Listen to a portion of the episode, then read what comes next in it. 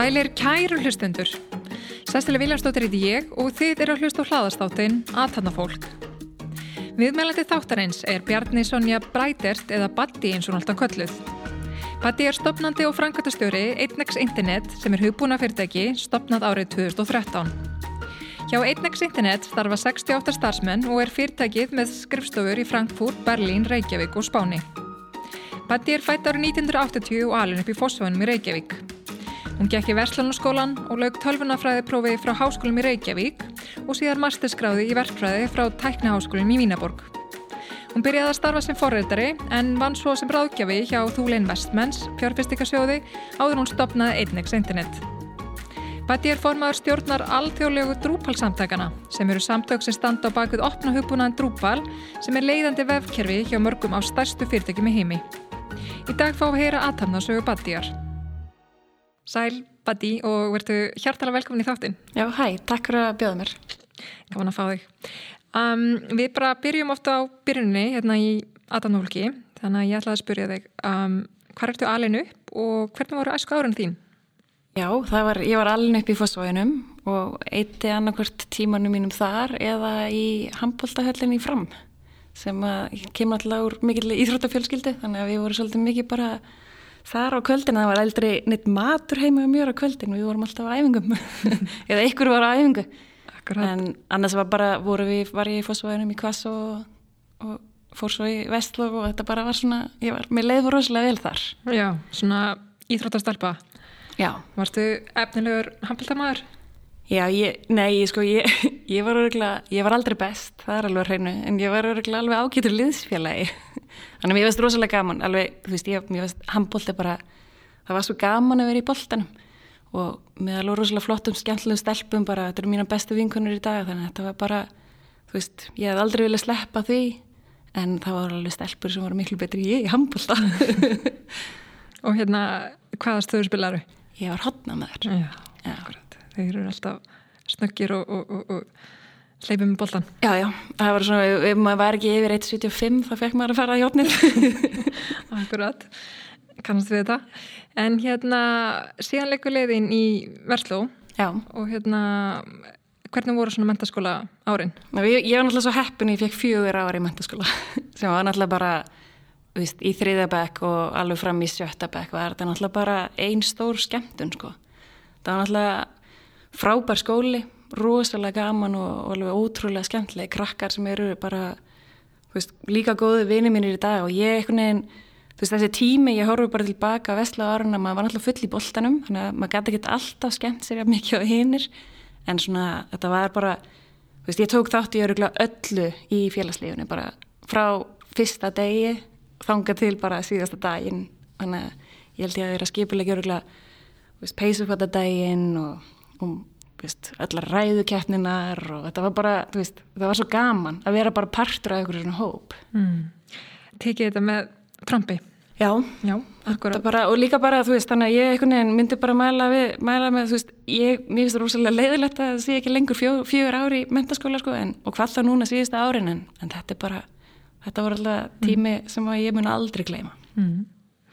En síðan leikur leiðin í Háskóla Íslands, þar sem þú lærir tölunarfræði? Já, í Háskólinn Reykjavík. Háskólinn Reykjavík, er. Það var alveg þannig, sko, starffræðikennarinn minn í Vestló, hann hérna var tölunarfræðingur og hann eitthvað tímaðan byrjaði bara að tala um það svona, við okkur sem höfum gaman að starffræði, mér finnst alltaf rosalega gaman í starffræði, öllu svona sem var með einhverjum númurum og tölum og, og líka bara þegar ég var yngri það var alltaf eitthvað að fykta með eitthvað svona.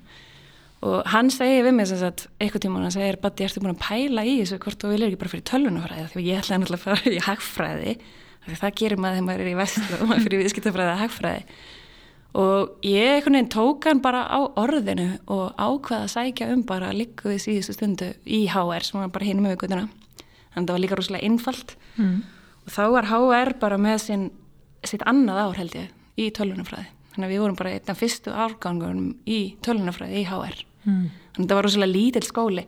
Þannig að það var svona aftur að koma inn í svona hóp sem að var frekar bara svona lítill hópur þá var viðskiptafræðin og tölunafræðin og ég held að lögfræðin hafi svo byrjað þannig bara í lókin þegar við vorum útskrifast þannig að þetta var eða svona aftur komin einhvern veginn svona veist, við gafum verið partur á öllu og við þurftum einhvern veginn að byggja upp stúdendafélagið í HR af því það var ekkert stúdendafélagið þú veist það var allt sem hann að byrja. Þannig að þetta var svona, mér varst þetta geggjað og háskólinu Reykjavík var alltaf tölunafræðin var bara mjög góð. Hún var alltaf rosalega hands on þannig að við vorum kannski, það var miklu minna kannski fræðilegt svona með við upp í HÍ en veist, ég hef aldrei, ég vekt fyrir í HÍ þannig ég veit það ekkert.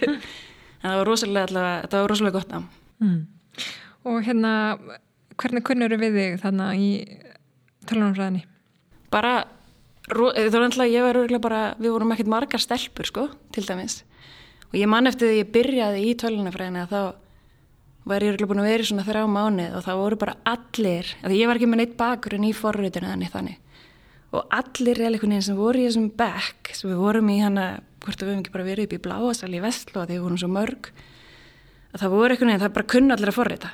Mm. og ég, mér leið bara svona, mér leið ekkert vel.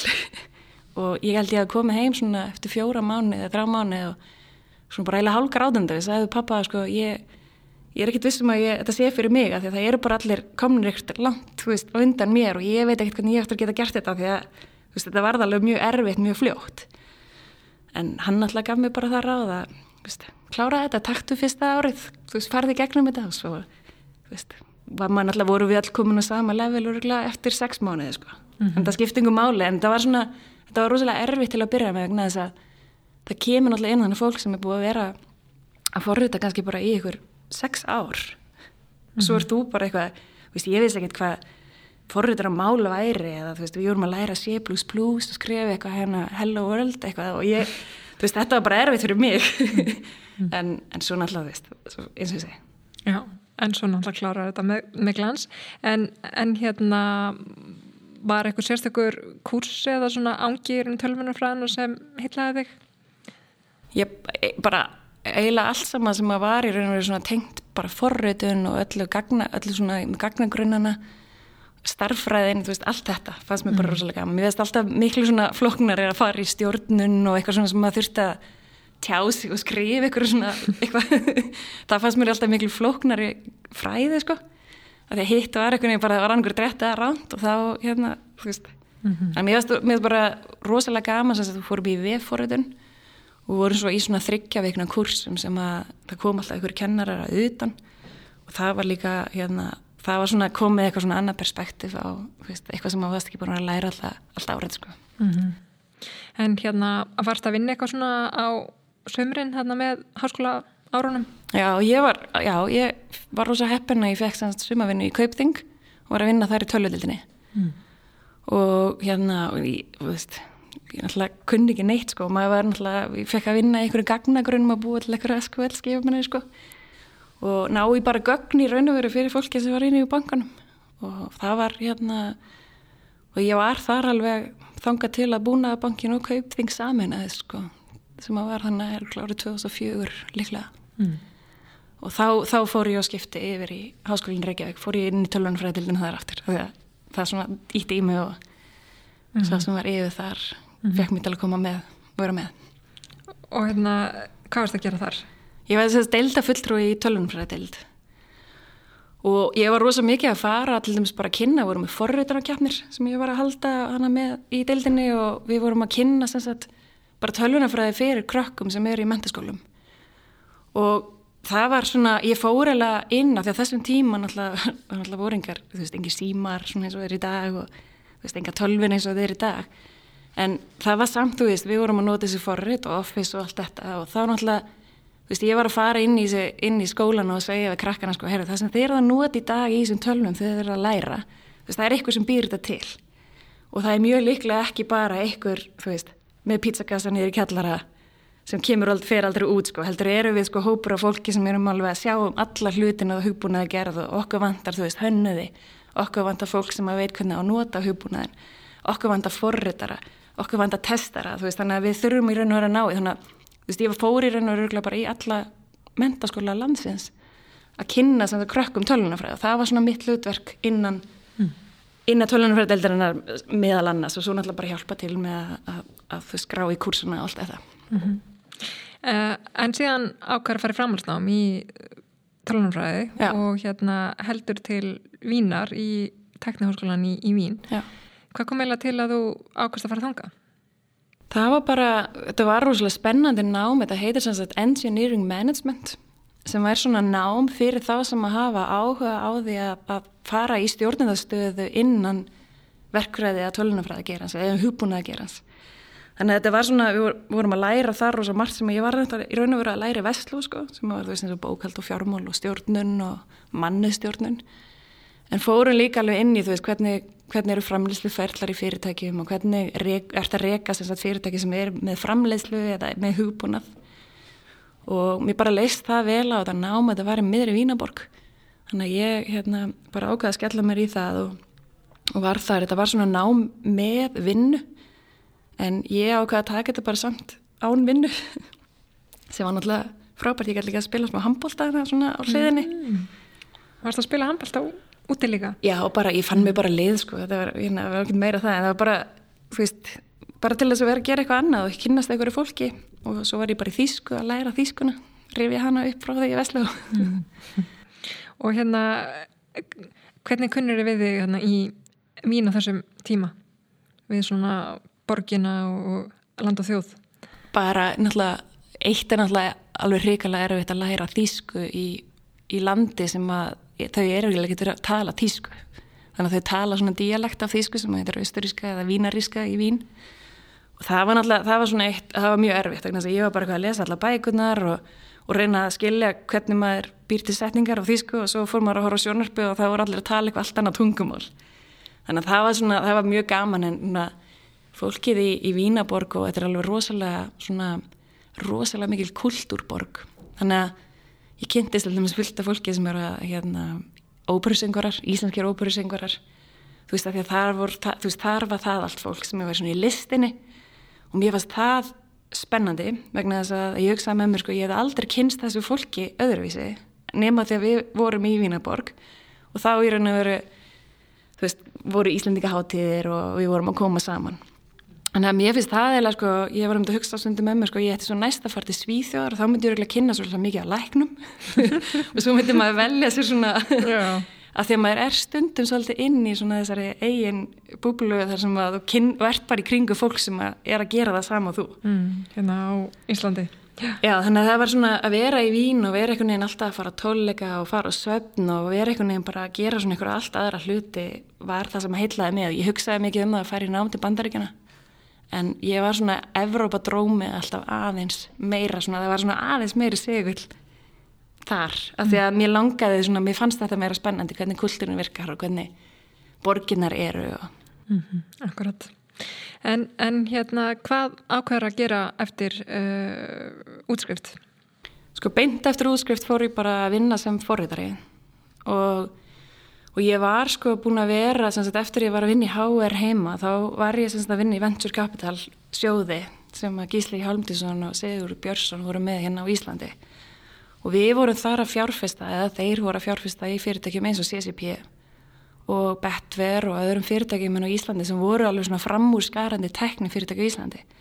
Og ég var svo heppin að fá að vera svona þeirra hægri hönd þannig ég fekk alveg svona fara á alla fundi og vera alltaf með og hjálpa til og vinna fullt af verkefnum með að skoða hvað svona tæknilega séu þau voru að gera þannig að ég var kannski ekki endilega í stjórninni en ég fekk alltaf að fylgjast með því þannig að mér fannst því raun og verið svona það var svona það sem ég fekk við þetta svona mikið þetta gaman veist, þetta er eitthvað sem er rosalega miklu skemmtilega heldur en að fara svo að vinna í banka veist, það er mm. að fara að búa til eitthvað allt þetta fólk og eins og allir sem ég kynntist þannig á CCP sem að voru alveg sko, þú veist, það var svo mikið energi þannig, það var svo mikið kraftur og það var svona, þú veist, og svo var það alltaf bara fullt í gangi, ég menna, það var, þú veist, fullt af erfilegum og fullt af góður hlutum að gera, ég fannst þetta, ég alveg svona, ég var í þessu í nokkur ár svona, sem eins og ég segi, hægri hönd eða hvað maður kallaði það, svona investment analyst, þannig að maður fekk svona grúska í öllum gögnum og þegar það var að fara að taka fjárfestingar og þá fekk ég að þú veist að skoða all gögnin og kíkja kannski á hugbúnaðin og allt það.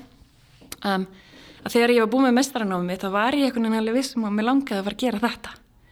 Ég bara vissi náttúrulega ekkert hvernig mm -hmm. því að þú ert náttúrulega ekkert endilega með eitthvað að stopna fyrirtæki, ég myndi það að segja? Já, að stopna fyrirtæki, að ég er raun og veru að finna upp eitthvað sem að mig langaði að gera eða þannig að við vorum hana, ég og maðurum minn og, og besti vinnur okkar og við bara eittum eða bara öllum kvöldum í að við erum að hugsa bara hvað þú veist, þú veist hvað getur við verið að forrita og hvað getur við verið að gera? Og því okkur fannst þetta bara, þetta var svona áhagamálað okkar þannig að á þessum tíma erum við þá bara búin að finna það út að það var rosalega erfitt að að hérna vista myndir. Þannig að það voru allir bara eitthvað að vista myndir á einhverjum, einhverjum hörðum diskum. En okkur langaði að setja í skíð og á þessum tíma þá var það ekkert til og ég ákvaði að gera mistararriðgerðina mín í kringum það allt.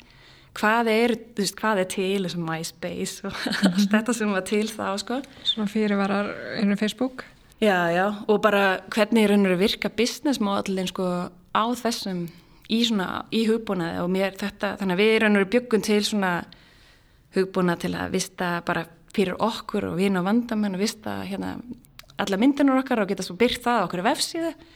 Og fólk fannst þetta óða sniðið og í dag svona sér maður alveg fullt að reysa fyrirtæki sem eru bara búin að gera þetta í mörg ár núna. Mm -hmm. en við vorum alltaf bara eins og Dropbox eða, eða iCloud eða eitthvað en við vorum alltaf bara heima okkur þú veist að hérna, fannst bara rosalega gaman að vera eitthvað gruski í þessu og eittum bara öruglega sko, öllum kvöldum í þetta. Mm.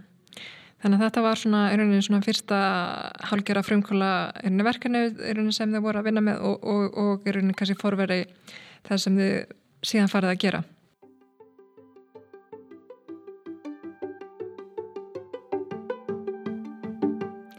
Ég ger hér stuttlið til að færa ykkur skilabóð frá kostunarlega þáttarins En vissur að Æsland er flýgur til fleiri en 40 áfangastæði í Evrópu og Norður Ameríku en þú getur flóið enn lengra þökk sé samstarfi Æsland er við önnur flugfélög. Þú flýgur þá hluta leðarnar með Æsland er og hluta með samstarfsfélagi allt á einu miða. Þú innreita þig aðeins einu sinni og öll samskipti fari gegnum Æsland er. Og aftur að viðtalinu. Já, þetta alltaf kynntustu opnum hugbúnaði og þetta var svona fyrsta sem að við sagðum sko, veist, hvað er þetta open source og hva, hvernig virkar það eða hvernig virkar svona að þú sért með einhvern hugbúnað sem þú getur bara tekið og við raun og veru unnið með hana áfram og breytt honum og gert, þú veist, þú þarf ekki að vera að kaupa ykkur leifiskjöld og, og, og fá það bara sem að þú færð heldur, þú veist, og þetta var svona kveikjan í það að okkur fannst þetta bara rosa spennandi mm -hmm. og urðum kannski bara leiðinni sérfræðingar þá í að vinna með nákvæmlega þennan hugbúnað sem við vorum unna með mm -hmm. En svona fyrir hérna hlustendur, hvað er uh, ofin hugbúnaður og hver er svona helstu tækifenni kringum hann? Náttúrulega ofin hugbúnaður er í raun og veru bara það sem við erum bara að nota eða bara alla daga þegar við erum að nota tölvunur okkar og, og við erum sem sagt, ég er, eða við erum að nota sem sagt mikið af ofin hugbúnaði og einn af þeim sem er kallað Drupal sem er vefumsunarkerfi eða vefumsunar hugbúnaður og það er eina hverjum 30 síðum í heiminum að nota þennan hugbúnað, þess að vefsíðum í heiminum. Um, og það er sko hægt að tellja, ég meina React er eitthvað sem er ofin hugbúnað sem að Facebook er búin að gera og þeir eru að nota þessa tekning til þess að búa til Facebook og eru í raun og veru að fá þá eins og maður segir, þetta er vennilega þannig að það er einhver stór fyrirtæki sem eru að leiða náttúrulega þróunin á þessum hugbúnaði en þeir eru að hleypa öðrum inn og leifa öðrum að taka þátt í þróunin á hugbúnaðanum og það getur hver sem er tekið þennan hugbúnað og notað hann og gert þó hvað sem er við þennan hugbúnað frá með þeim tímapunkti sem þú tekur hann. Þannig að þetta er svona, þú veist, það er náttúrulega bara, ég get talið upp endalist dæmi um, um Chromium og Chrome sem að þið eru að nota vendalega flest hérna sem er að hlusta þetta podcast uh, og, og, og þú veist, og ég get talið endalist, þetta er allt saman ofin hugbúnaðir sem er þá þróað af oft stórum fyrirtækjum eins og Google mm -hmm. eða Microsoft. Mm -hmm. Akkurat og þeir farið dólda að feta einhvern veginn þessa leið hérna og farið að vinna með drúpal og, og, og hérna þeir ákveða að stopna uh, stöktur setna uh, hugbúna fyrirtæki sem þú ert með núna hérna 1X já, uh, já og, og hérna hvernig kom það til að í rauninu þú ákveðst að fara á, á hérna fyllt í þetta? Sko það er náttúrulega alltaf þessi litlu hlutir sem koma upp á sem að þú, þú veist, þá er það þannig að við þess að eignust strákin okkar, elsta strákin okkar sem er 12 ári í dag.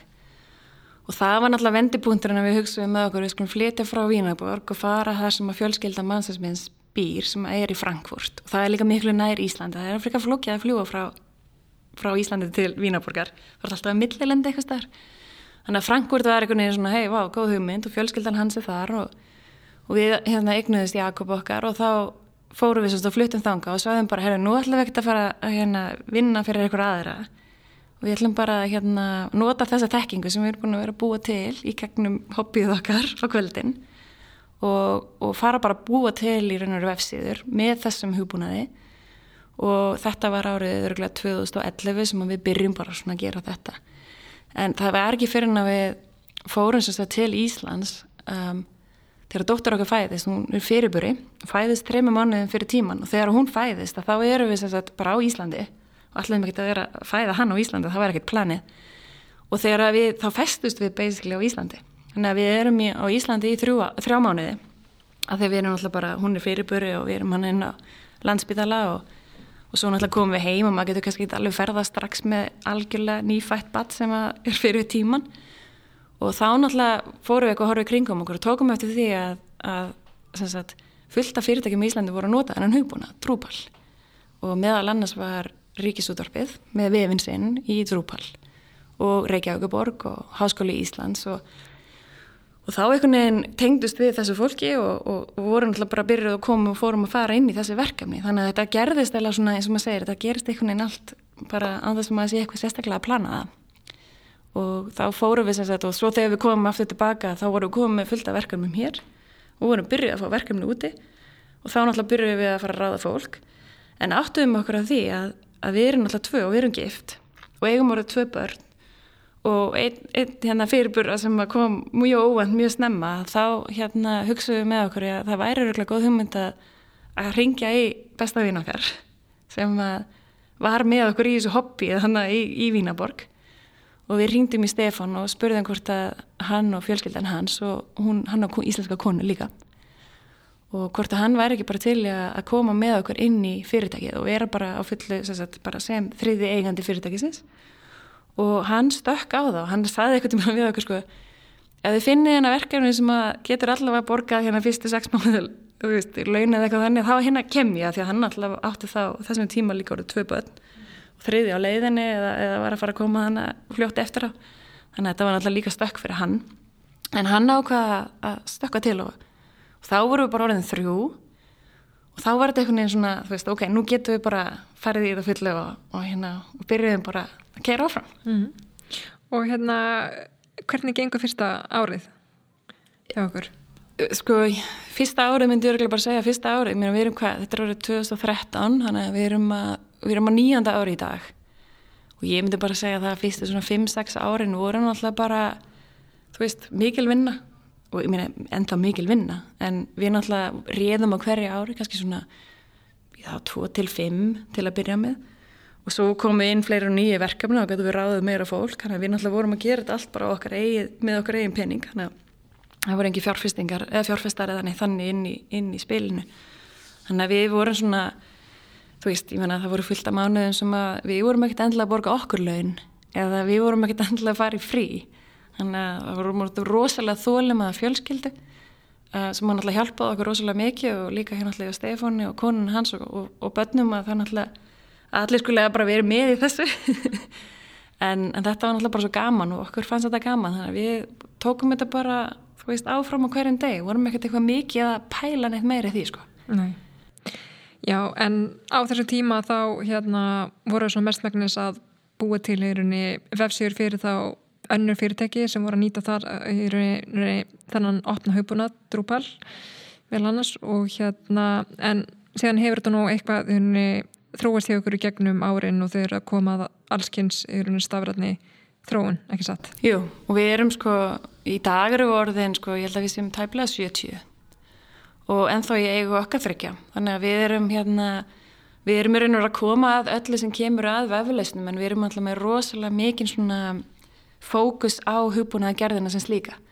Þannig að það er oft sko talað um eru við agency eða svo kallir svona vefstofa eða sem að segja kannski á Íslandi eða eru við hugbúnað fyrirtæki og við viljum sko meina það að við erum miklu nær svona hugbúnað, við erum miklu dýbra inni á fyrirtækjunum, þannig að við erum ekkert endilega bara að byggja einhvern frammenda sem er fallegur, heldur eru við í raun og veru að sjá alveg niður í SIP-kerfið eða Navision-kerfið eða hvaða kerfið sem við verðum að nota, við erum að sjá um alla þessa ferla, alla leið, þannig að þeir eru náttúrulega báðir, partnerarnir mínir eru báðir með gráðu í, í verkfræði eða tölunafræði, þannig að þetta svona, það hefur alltaf verið rosalega, veist, mikil, mikil áhersla á hugbúnaða gerðina og öllu því sem því við kemur, þannig að við erum þá með náttúrulega hönnuði, þá þurfum að vera hönnuðir í þessu, þá þurfum að vera ráðgjafar, staðbjörnir ráðgjafar sem vita hvað á byggja.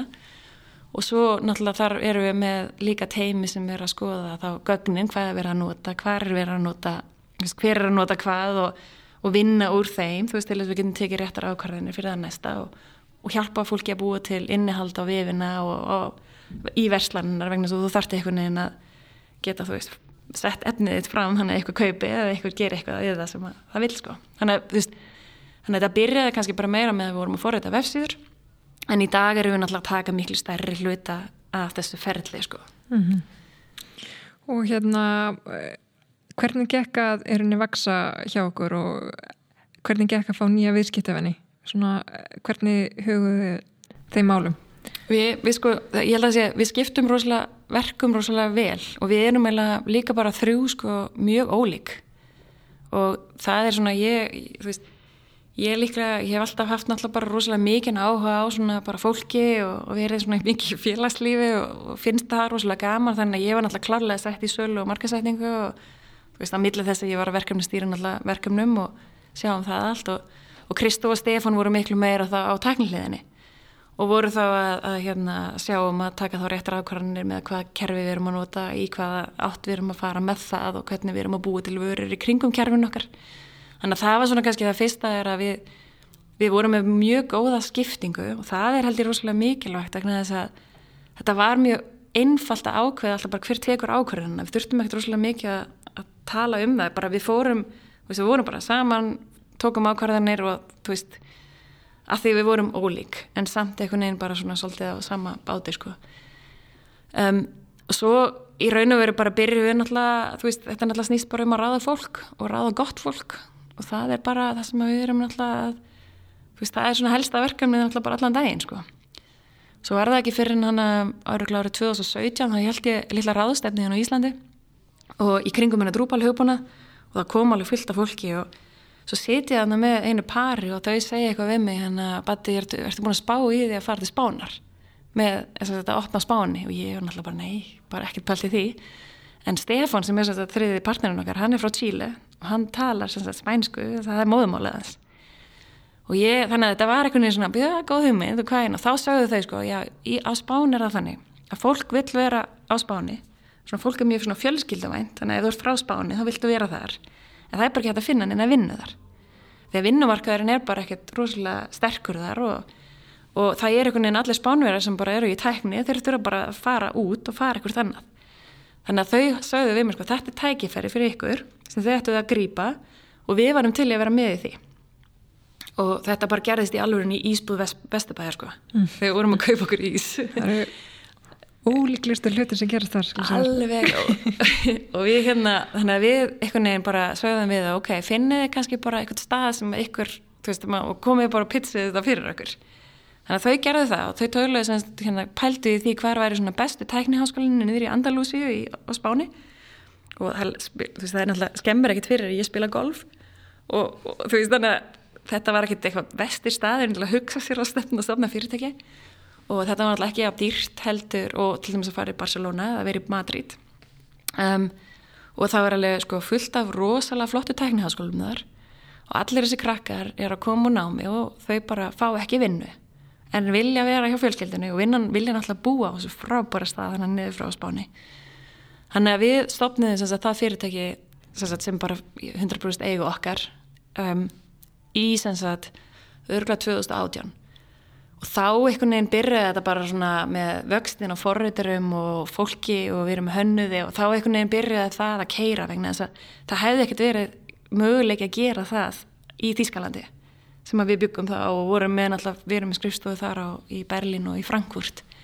En það er náttúrulega miklu erfiðar að ná fólk þar Þegar fólk er náttúrulega bara það miklu meiri samkjafni og, og svona öðruvísi markaður en þannig að við í raun og veru byrjuðum og okkar markvið var bara alltaf við ætlum að ráða fólk. Þannig að við ætlum í raun og veru að, að þú veist, við ætlum ekki að vera að vinna með einhverjum verktökum og svo bara hendi þeim verkefni hinga og þanga, við ætlum að búa til fyrirtæki og við ætlum að búa til teimi og þar alveg að ætlum við að ráða. Þá náttúrulega voru allir á spáni sko bara, hvað, eru þið eru að stopna fyrirtæki á spáni, þú veist, eru þið eitthvað klikkuð? Bara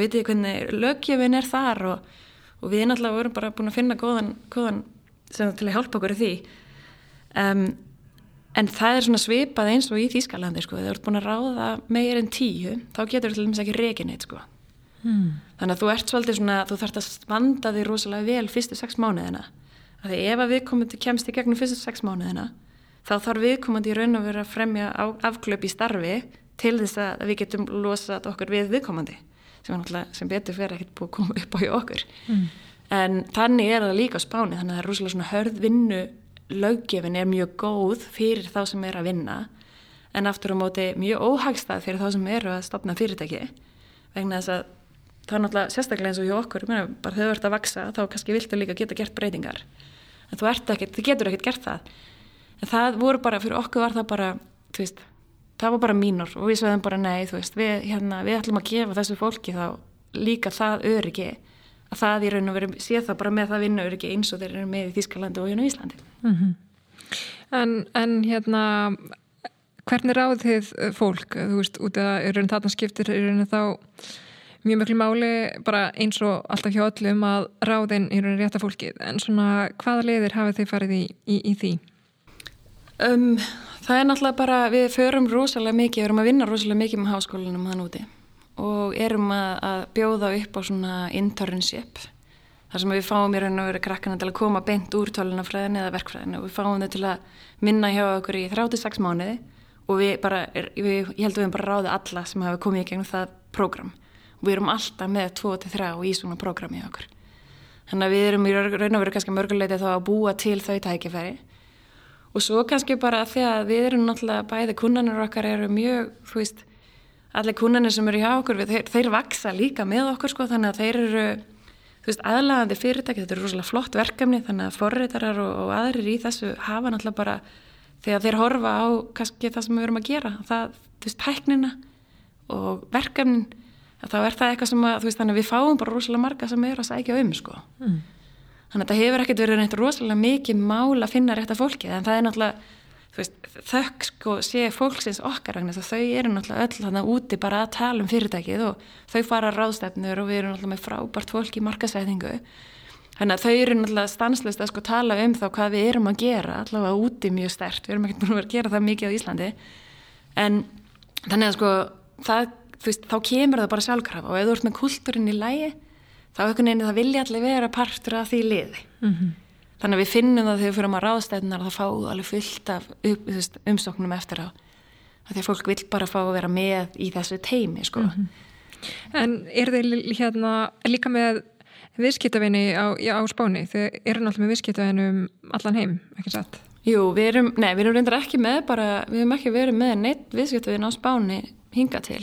Um, við hefum náttúrulega verið með stór fyrirtæki sem eru náttúrulega með stórar sko, starfstöðvar á spáni eins og Nestlé er til dæmis með þeir eru eða með allan digital hlutan sinn hjá í Barcelona. Og við erum að vinna fyrir þá. Og svo erum við náttúrulega að vinna eins og Unity Technologies sem að hérna við varum stopnað Davíð hérna á Íslandi. Mm -hmm. við, þau eru náttúrulega já staðsett í Kaupmannhöfn en eru náttúrulega mjög mikið í San Francisco en eru svo náttúrulega bara út um allt. Og við erum að vinna mikið með þessum fyrirtækjum sem eru þá eða raun og veru kannski svona bara út um allt svolítið. Mm -hmm. þannig að það var kannski fyrir okkur þegar að COVID kom að það var það ekkert eitthvað öðruvísi sko vegna þess að við höfum alltaf verið að vinna með okkar viðskiptaðinum bara gegnum tölvuna. Að, og við höfum verið sjálf bara svolítið út um allt. Þannig mhm. að, að Þannig að þið, þið voru búin skipulikja fyrirtæki þannig að ég er unni fólk að unnið í, í hérna fjárvinu og hafið náttúrulega gert lengi. Já. Uh, En hérna hvernig hefur ykkur tengist að vinna með ykkar kultúr, bara fyrirgekúltár og líka þú sem stjórnandi í gegnum svona fjárvinu? Já, það er góð spurning vegna þess að það hefur verið, það var öðruvís í COVID heldur en það var áður. Vegna þess að áður fyrr þá náttúrulega við pössum rúslega mikið upp á það að við séum að hittast reglulega. Þannig að við erum til dæmis öll núna, ég menna núna í júni mánuði sem að er að gerast sem er í kringu þennan tíma sem að þetta podcast er að koma út að þá, Aðeins að- en ég er að í júni á Íslandi að þá erum við semst að hittast allt fyrirtækið. Og við erum semst að koma öll hinga og við höfum verið að gera þetta alltaf. En svo náttúrulega kom COVID. Og þá gastu náttúrulega ekkert gert það. Og ekki bara það, heldur fólk var heima á sér, með börnin heima á sér, með makana heima á sér. Þú veist, það var búið að vinna það gæti ekki eins og farið út eftir það. Þannig að sko, það að reka fyrirtæki og ég er raun og verið að segja það stundum að sko, þú veist, þið getið ekkert sko, borið þetta saman hvernig það er ef þau eru búin að vera vön því að vera að vinna á skrifstofu svo kom COVID og það fóruð að vinna heima hjá okkur. Og fólk segir sko, ég get ekki hugsað mér að vinna heima hjá mér aftur. En þá segir sko, nei, en þú verður samt að taka út úr, út úr öllu að þú veist, þið voruð líka í, við vorum í pandemic sem að var, þú veist, mjög erfiður fyrir okkur öll. Þannig að það er ekkert að bera það saman. Þannig að mér fannst það alveg vera munur á fólki bara svona fyrir og eftir COVID í sem sagt fjárvinu en þú þarf að þetta er rosalega mikil svona þú veist, þú veist ekkert. Ég menn eins og núna til dæmis fólk er kannski bara hlusta á okkur tala, það veit ekkert hvort við séum að brosa eða hvort að við séum, þú veist, hvernig við erum að reyfa okkur, hvort við séum að segja já með hausnum eða, og öll þessi líkamstjáning sko fer í burtu og þú finnur ekkert hvernig fólki líður. Og það er náttúrulega bara búið að vera svona fyrir mig persónulega eiginlega alveg hrikalega erfitt. Þess að þú ert náttúrulega, þú færð alveg að heyra það frá fólkinu sem er rosalega duglegt að tjá sig sko, en þú ert náttúrulega í, í sem hugbúnaði bransa mjög oft með fólk sem er kannski getur rosalega extrovert, heldur, er bara miklu frekar svona bara rosalega duglegt að vinna vinnuna sína og, og sko, ég, þú veist oft fann ég bara ekkert hvernig þeim leið. Og þá vissi ég í raun og veru ekkert sko, er þeim að líða illa eða vel og svo kannski hittast maður á kaffistofun og þá komst maður að því að það var búin að gangi gegnum einhverja hluti sem að sko útskýrðu kannski alveg ákveð, ákveðið sem að var í gangi fyrir sex mánuðum síðan. En sko ég vissi það ekki. Ég hefði alltaf vitað það ef við komum til að vera á skrifstofunni.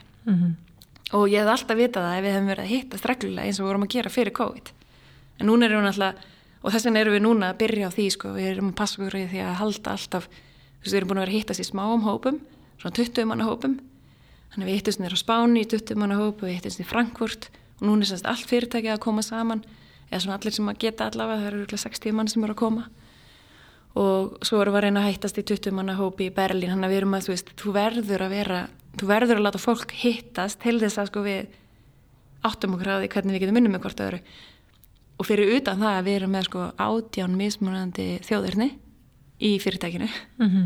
Þótt að allir séu raun og verið staðsettir á okkar svæði, í kringum okkar svæði að þá samt ertu með kultúr sko frá Íslanding veist, og Spánverjum og fólk í Austur-Evrópu og fólk í Þýskaland og þetta er náttúrulega rosalega mismunandi karaktera sko Mm. og þú veist, ef þú er ekki hýst þá veistu það ekki sko Nei. En uh, hvernig gengur að samræma öll þessi mismöndi þjóðarni í, í eitt fyrirtæki? Já, það er bara, það er, það er sko stæðsta kunst, eða sko það er það sem er í raun og stæðsta áskorunni sem við erum bara alltaf með sko, það er að finna út af því og ég menna, veist, svona sem dæmi, ég menna við erum alltaf með fólk frá Ukraínu sem er búið að vera að vinna hjá okkur í langan tíma í Frankfurt. Og svo erum við líka með fólk sem er búið að vera staðsett í Ukraínu og náttúrulega 24. februar þessa árið þá var það ekkit einfaldur tími. Og, og að sjálfsögðu ekki vegna að við vorum að sjálfsögðu erum líka með fólk sem er frá Rúslandi í fyrirtækinu. Og við erum með fólk frá, frá Pakistan sem er býr í Þýskalandi og ég meina þau, þú veist að fólk hlustar og frettir í sínu löndum og, og það heyrir mismunandi skoðanir. Þannig að sko það er, það er mjög svona vandsam þú, veist, þú, þarf að vanda þig hvernig þú talar um hlutina vegna þess að eins og þegar að Ukrænustriðið koma á þá náttúrulega stóðum við bara upp þannig að um morgunin, það var akkurat dagurinn sem við erum alltaf með vikulega fundi, svona hólvei fundi sem all, allt fyrirtæki kemur saman í hálftíma. og við tölum um eitthvað og þessi dag var bara, veist, ég mun aldrei gleyma hann sko. ég vaknaði um morgunin og las fréttinar og svo bara, þú veist, fór ég á netið og kíktu á, á vinn okkar, þú veist, af því að þau eru þarna frá landamærum hérna upp í Súmi sem eru landamæri Rúslands og þau eru að hluta til sko fætti í Rúslandi og það er bara, þú veist, hvernig líður þeim? Og þú bara, þú færið bara beint í það. Og svo bara förum við á fundin og við bara við sátum bara öll í svona 15 mínúti bara og sagðum ekki orð. Og þú veist, og þetta var svona svo eftir á þá náttúrulega var ég bara ó, ég þarf líka að tala við Írín og hún er frá Rúslandi og hún býr í, á Spáni. Þú veist, ég má ekki glema henni. Þá var bara, þú veist, síminn tekinni upp og ringt í hana. Þannig að sko, þú þarf það svona þú veist, þú þarf alveg að vanda þig vegna þess að henni leið ekki vel. Af því að hún náttúrulega er búin að búa spáni í langan tíma og henni fannst þetta alveg ömulegt og hún, sko, hún hugsaði með sér sko, þú veist, hvað, hvað munir þau segja við mig, við erum að vinna saman í verkefni. Þannig að veist, þetta er bara svona lítið dæmi um sko, þar sem að það kemur eitthvað svona upp á sko. mm. Þetta gerist ekkert rosalega mikið ást bara en allir að inna henni Reykjavík og, og eru bara, þú veist, eða svona mm -hmm. þetta er aðeins öðruvísi mm -hmm.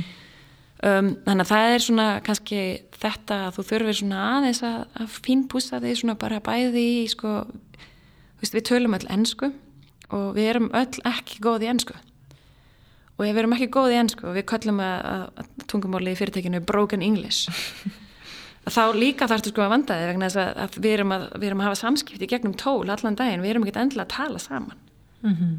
og sko þá ert þú kannski bara eitthvað að skrifa eitthvað og þá fer þetta í hvernig þér líður í dag, hvernig þú tekur því sem ég er að skrifa til þín þannig kannski er ég bara að skrifa herra nennur að, veist, nennur að hérna, skoða þetta ísju aðeins betur og bara því að þú veist, þú ert í vondu skapi þá heldur þú að ég sé eitthvað að skamma þig í þessu ísju sko. þannig að þú veist mm -hmm.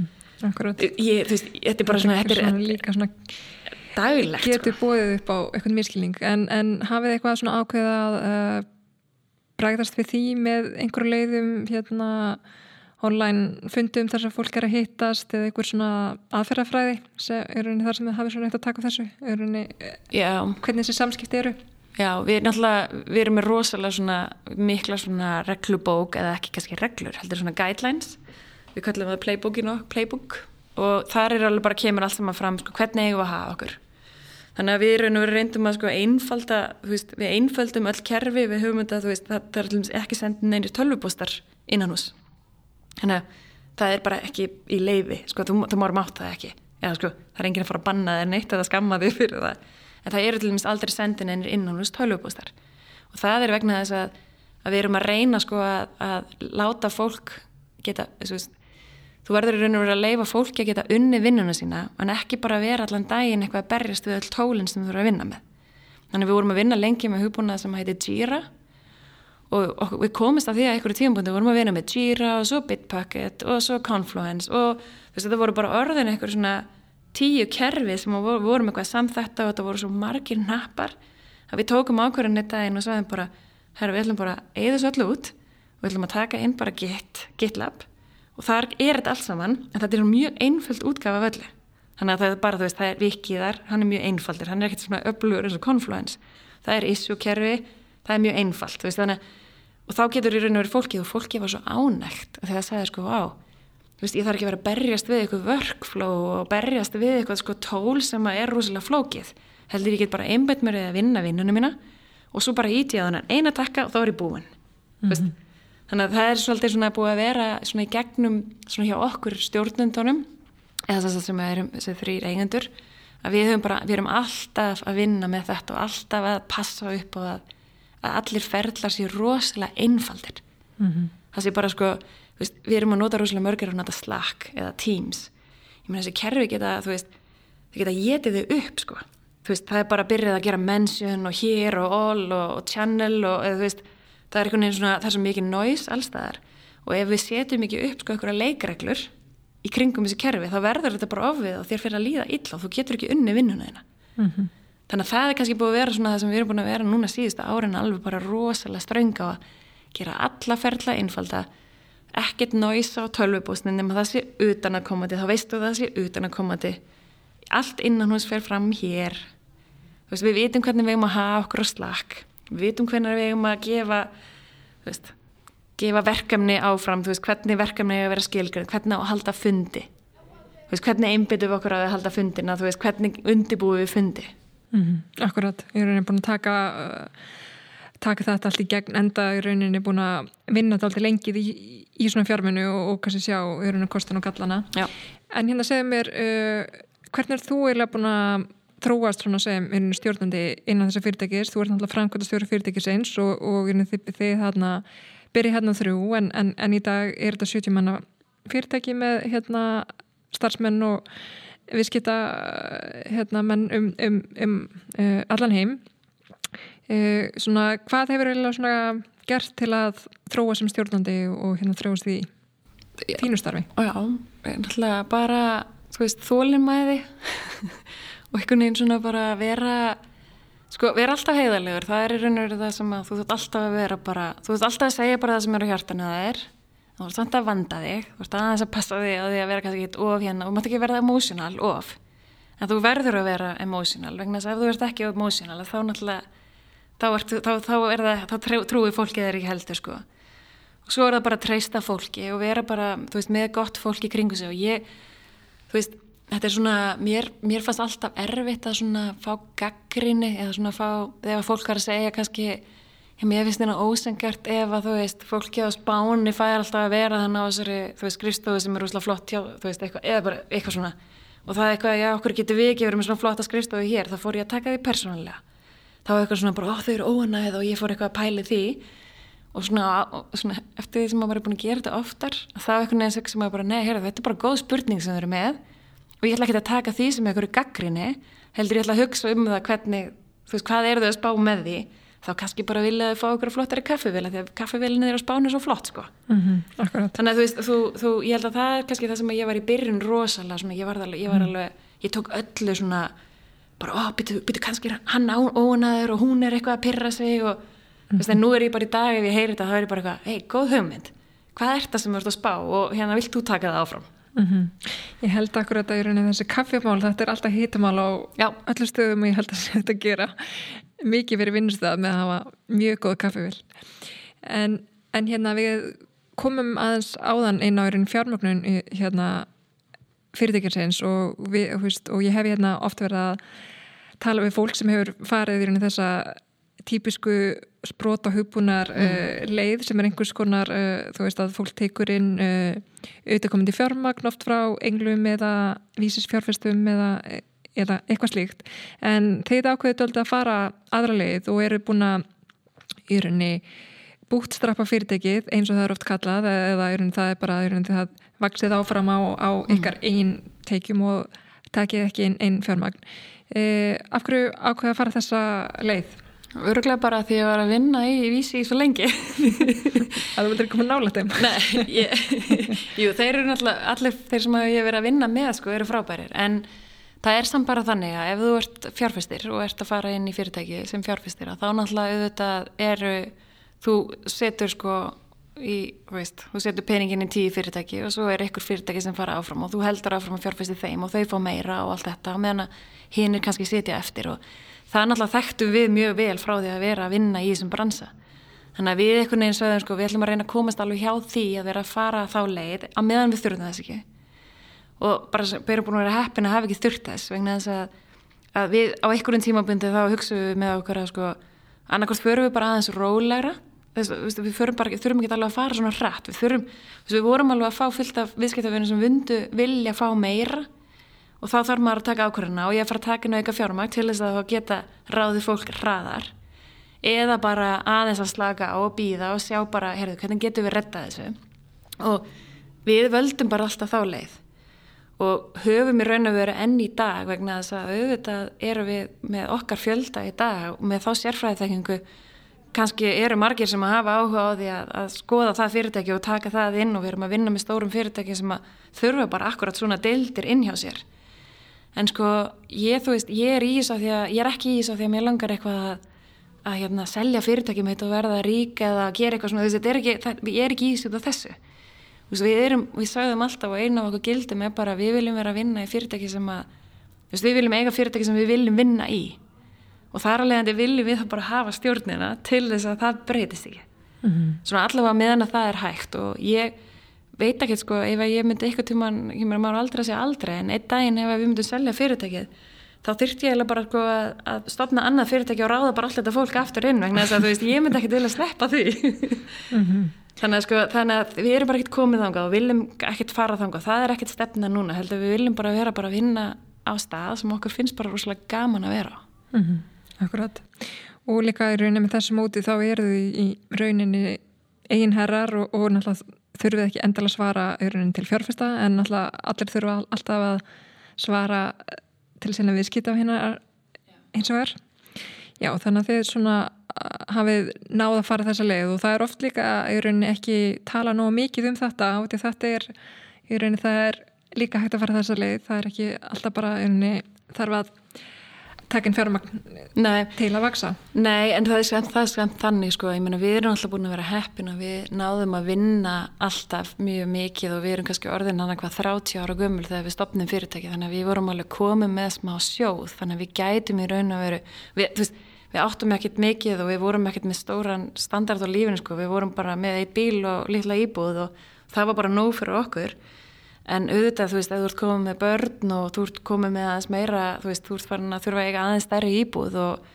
og kannski tvo bíla og svona, þá er ekkert sko, þá getur ekkert gert þetta sjálfur þá þarftur náttúrulega að vera sko, þú veist, þú vilt ekkert veðsetja húsið þitt og, og gera bara þessa hluti sjálfur og fá engin laun sko mm -hmm. þannig að þú veist, sem betur fyrir eru við með sjóði sem að vilja fjárfesta í þessum fyrirtækjum en, en það þarf alveg sko maður áalveg að hugsa sér vel um sko hvaða leið maður vil fara. Ef maður er, er að stopna fyrirtæki og er að vinna í þessu þá held ég að það sé sko mjög bara jákvæmt að hugsa þess um sko kostin og gallana. Og þú getur náttúrulega verið miklu hraðari við hefum örgulega geta verið jafnvel, miklu stærri í dag ef við hefum farið fjárfestingar leðina en eins og þú sagðir, þá myndum við veist kannski missa kontróliðið í daginn sko. Mm. og það var bara ekki þess að verði fyrir okkur. Mm -hmm.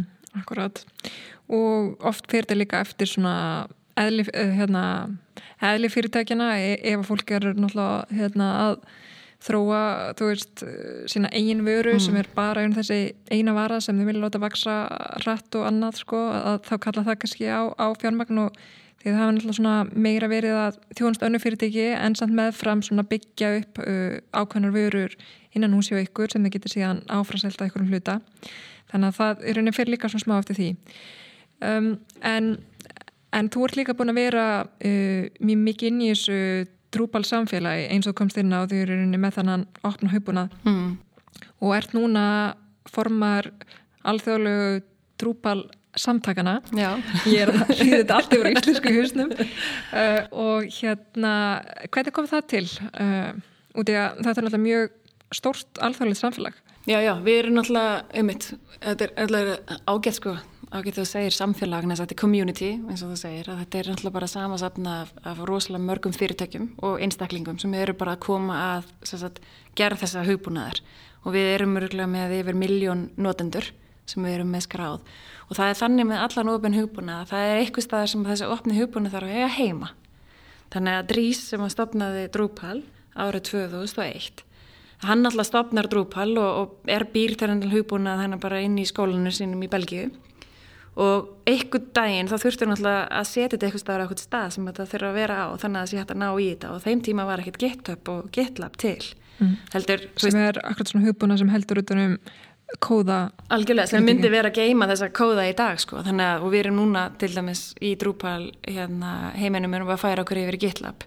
Sem er svona dæmi um það að, veist, að þá, þá þurft að búa til eitthvað í kringum þetta, þurft að vera eitthvað svona fyrirtæki sem að í raun og veru sér um að hýsa þennan hugbúnað og vinna með hann og, og gera svona ráðstefnur og vera með eitthvað sem heitir DrupalCon þannig að, að drýsa sínu tíma velur sér eitthvað fólk þarna sem er í kringum hann og stopnar í raun og veru þessi samtök þá sem að svo færðu sig yfir að verða amerísk samtök, svona non-profit uh, samtök sem að voru stopnið og, og eru í dag raun og veru heimili eða eru sagt með starfsfólki vinnu og er, er að reyka kerfi, er að reyka hugbúnaðan í dag, eða þannig að það geti allir farið inn og náði kóðan og það koma örgisuppfæslur og þau sjá allt um þetta, allt svona sem kemur í kringum þetta og allar ráðstefnur sem eru að haldnar. Og, og bara svona allt, allt um, utan um hald og kynningu. Og það er svona þannig að, að Drís er þá í, í stjórn þessa fyrirtækis sem er þannig í Ameríku. Og við erum 11 stjórnamenn og hann ákvað fyrir nokkru mánu síðan að, að vera ekki bara svo kallar project lead í verkefninu sem slíku og, og stjórnarformaður Drupal. Og hann gaf það sagt eftir og ég tók við því núna í februar sem sagt Já, sem stjórnarformaður. Og það er í raun og veru, ég er í raun og veru þá sem stjórnarformaður ræði ég þá framkvæmdastjóra félagsins sem er svo með starfsmennina og svo eru við stjórnum þá að sjá bara um strategíuna hver, hvert við erum að fara næst. Og það sem við erum rosalega mikið að hugsa um í dag bara hvernig getum við fengið sko fleiri til þess að koma að þróunni á hugbúnaðinum og hvernig getum við gert það hraðar? Hvernig getum við keft að móti öllum þessum öðrum stórum kjærfum úti? Um, þannig að svona drúpali er tali vera svona leiðtógi í þessum svona digital experience lausnum sem er með sem sagt Sitecore og Adobe Experience Manager það koma út á hverju ári svona Forrester og Gardner rannsóknir. Og Drupal hefur alltaf verið þar bara í toppnum og er að keira alla stæðstu viði heimsins. Hvort sem að það er hérna olupilleganir eða, eða háskólanir í Ameríku eða London og, og, og hérna European Commission og Nestle og allir þessi fyrirtæki sem ég hef búin að nefna. Þannig að það þarf bara rosalega mikið utanumhald þannig að ég er búin að vera að gera þetta. Og þetta, veist, þetta gerir svona bara þú byrjar á því að veist, sjáum eitthvað viðbörð í bænuðinum sko. Svo allt í nú segir eitthvað bara ef finnst eitthvað svona gaman að gera þetta? En nú er ekki komað en að hjálpa okkur með Evróparraðstöndina við mm. bara eitthvað, að jújú, byrjum að gera það. Og svo eitthvað neginn, herru, bara nefnir ekki koma og hjálpa að gera þetta. Og svo, svo mm -hmm það kemur enginn sko að segja það, kemur enginn að segja við þig þú, hérna getur þú komið að gera þetta? Heldur þetta er einhvern veginn svona, þú byrjar bara einhvern veginn að taka þátt og svo hérna kannski eru endilega rétt upp hendin og segja má ég hjálpa sko? Mm. þannig að maður er alltaf að leita fólki sem að veist, þannig að þetta hérna, er bara búið að vera þannig og það er bara rosa gaman, ég var að koma frá drúpalraðstöndinni í Portland núna mm. sem var fyrsta raðstöndan það sem við vorum að hittast aftur. Við erum búin að vera að halda ráðstöðun núna online sko það er allir konum að ókja því Já, eftir COVID. Græt, það hafa verið góðir endur fundir eh, en hérna segðum við síðan erstu líka eftirsóttur fyrirlesari Já, já, já. Eða, er það ekki? Þessi stóra orð, það er það sem ég hef heilt Mér er bara rosalega gaman að tala.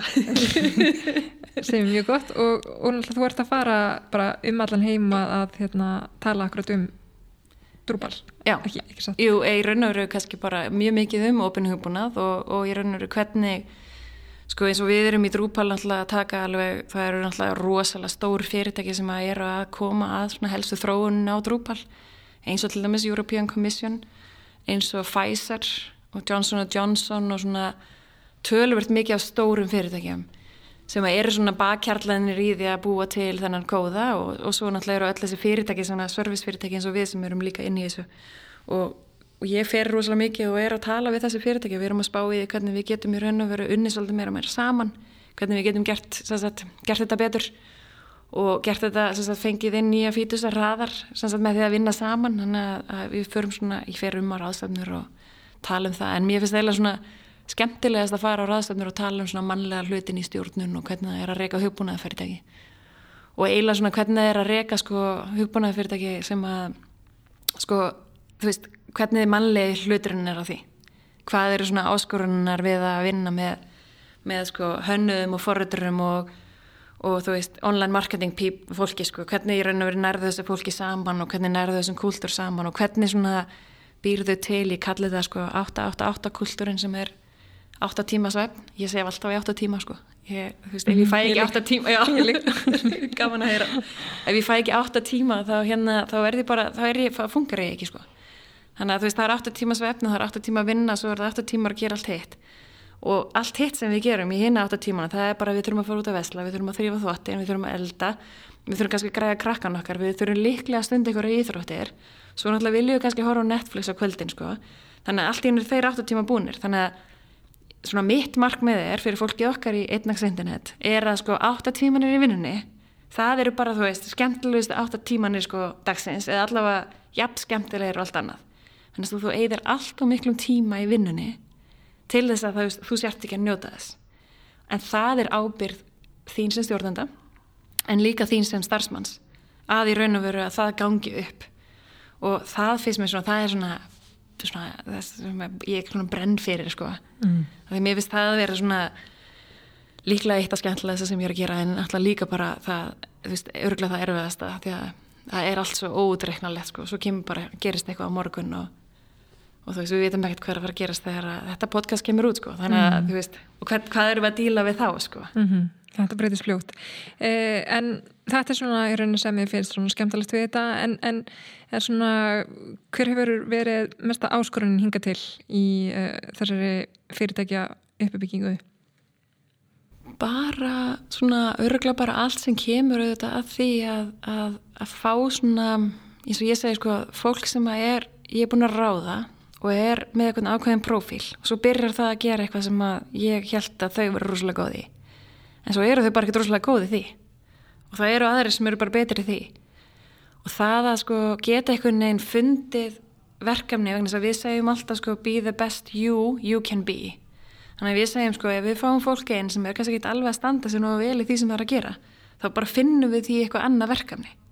En það er ekkit bara ég að segja þér hérna, hefur getur þú farið að gera þetta heldur ég þarf í raun og veru að fá viðkomandi til þess að sko finna það út að það sé betra fyrir hann eða hana þannig að sko það verkefni að því að þau skilja kannski ekki alltaf sko, af hverju fer ég ekki að vera að pratta upp sko stegan í, í hérna, okkur fæ ég ekki að vinna erfiðu verkefninu, okkur fæ ég ekki að vinna með þessum kunnum sko. Þú getur ekkert sagt við viðkomandi að það er að þú ert bara ekkert alveg sterkur og þessi hinn, þú veist heldur þú þarft eitthvað neina sko leiða viðkomandi áfram að segja að hefur þú pælt í hérna hvernig veist, þetta er gert eða langa þig að vera mentor eða langa þig að mm -hmm. Þess, það er svona, en það er aftur sko ekkert bara erfitt en það er líka rosalega skemmtlegt en það er svona það sem að ég eitthvað neginn hérna þú veist, mér langar eitthvað neginn að fólk skýni í vinnunni og það er svona það sem við erum búin að vera berjast fyrir alltaf bara að, að þú veist verður besta útgafan af þér af því þó, þú veist, og teimið sem verður að vinna í verður, þú veist, veriði þú veist, veist veriði best, besta útgafan af ykkur. En það er ekkert svo einfalt sann, sko, vegna þess að þú þarfst að fá viðkomandi til að sjá það eins, sko.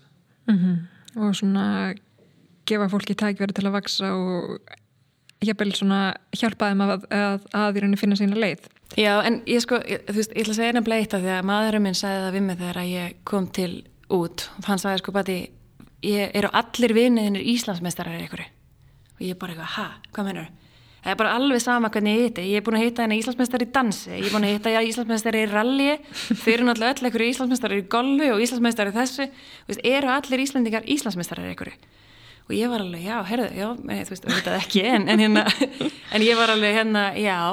Og þá sagði hann sko um mig og hann sagði, þú veist, það er ótrúlegt að þess að, þú veist, að þeir eru þeir sko á Íslandi finnir þið alltaf að þeir eru svo fá, að við erum svo fá að við finnum alltaf eitthvað sem þú getur orðið góður í en í þessum stóra heimaðan í Þýskalandi með 80 miljónir manna og þegar ég fór þannig fyrst út í nám það var ég náttúrulega bara veist, ég var alveg klárlega alls ekkert góð í neinu. Og það voru allir miklu betri en ég. Og þegar þú elst upp í þannig umhverfi þá einhvern veginn ferður bara trúa því og þjóðverðin er rosalega sterkur í því og ég verði að tala svolítið um þetta á fyrirlesturum það sem ég verði að segja sko þjóðverðin er frábær. Bara þau eru svo klár og þau eru svo vel mentuð og bara gæðin sem komaðan út í þessu fólki það er svo gaman að vinna þannig vegna þetta er svo, þetta er svo klárt fólk sem er að vinna í kringum. Á meðan sko, en þau hefa enga trú að sjálfum sér. Og ég er alveg bara svona ha, býtu, en við á Íslandi við erum kannski bara búin að búa, búa með eitthvað hérna bachelornam í, í tölunafræði og við eitthvað bara höldum að við séum best og við erum búin að vera þú veist að við höfum upplifað success. Og ef þú hefur upplifað success þá ertu með trú á því að þú í raun og veru getur orðið bestur í einhverju og ef þú trúir á því þá verður þú bara bestur í ykkur mm -hmm. þannig að sko það segi ég alltaf innan fyrirtækisins okkar að við þurfum að finna að, hvar þú getur orðið best í að því að það er kannski ekki endilega þetta en sko það geta allir orðið bestir í ykkur mm -hmm. og það þarf að finna það vegna sem um leið og fólk fær það svona, þetta bragð í að verða góður í ykkur og ég er betri en það sem setur við hliðin á þá bara veist, það blómstrar mm -hmm. og það er bara svo gaman að sjá hvernig fólk verður einhvern veginn bara, þú veist mm -hmm. besta útgáðan að sjálfa sér Já.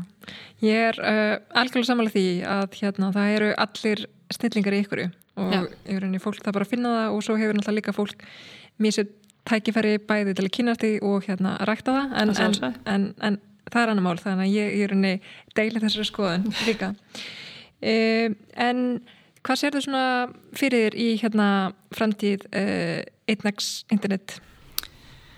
Bara við halda áfram að, að hafa gaman í vinninni, halda áfram að vinna með bara frábæri fólki og, og finna frábært fólk og það er bara, eins og ég segi, bara, þú veist, hérna, það er eitthvað sem að ef, ef, ef við náum að halda því áfram, þá er það bara, þú veist, það sem að mér langar að gera og við erum náttúrulega, þú veist, það er búið að vera svona þegar þú ferði yfir 25 mannastreikið, svo ferði yfir 50 manns og svo ferði yfir 75 manns að það er náttúrulega, veist, því stærri sem þú verður, því meira náttúrulega verður, sko, myndu þurfa að verða aðeins með svona, kannski hærarkíu og, og svona og, og ég segi, sko, reynum að komast hjá því eins lengi við getum að verða þetta stórfyrirtæki sem að þá kannski við munum til mann verða. Og við, ef, veist, ef við náum því, það er reynur, sko, ég hef trú að því að þú getur orðið 200 manna fyrirtæki en samt haldið sko eins og, eins og þau segja hjá okkur sko, þau segja stundum sko að því við erum bara að vinna í 10-15 manna teimum þá finnst okkur ofta eins og bara fyrirtæki sem mjög lítið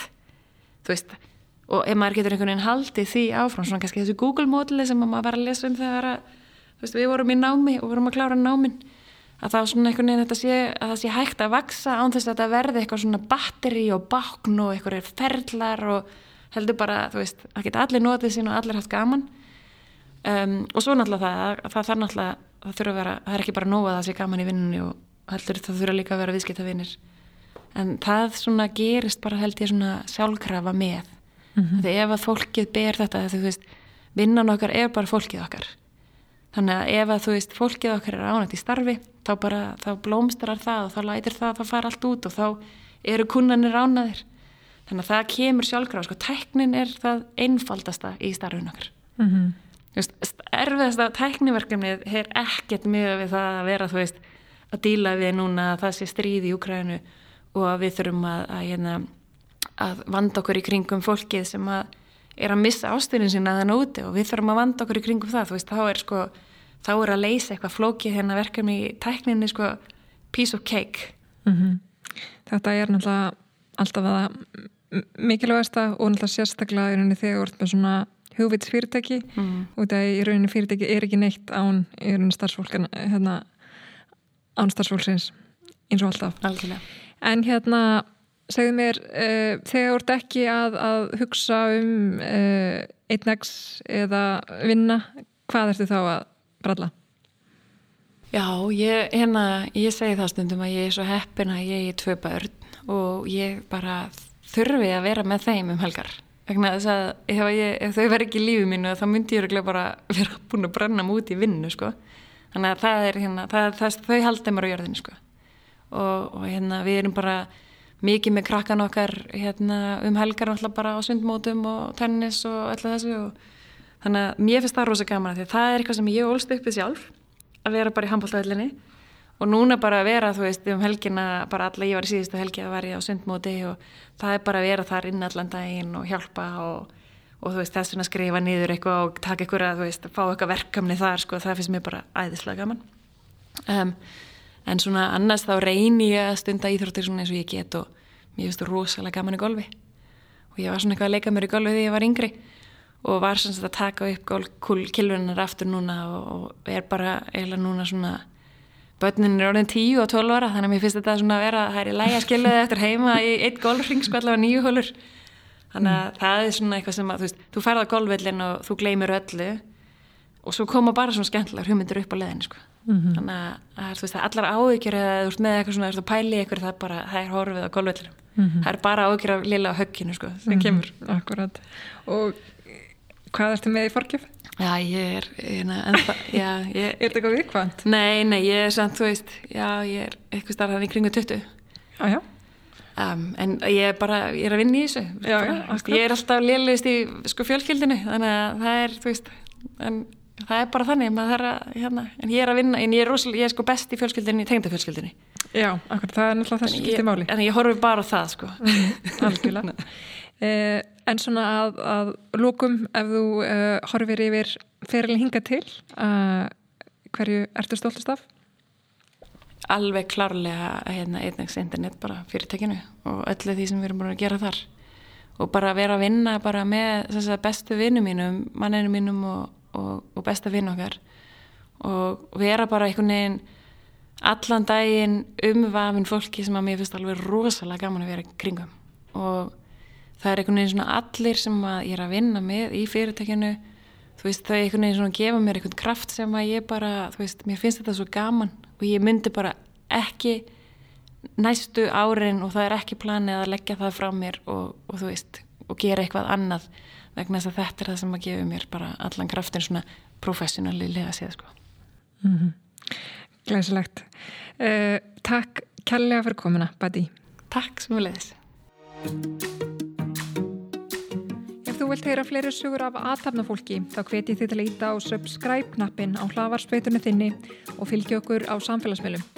Ekki missa af næsta þætti.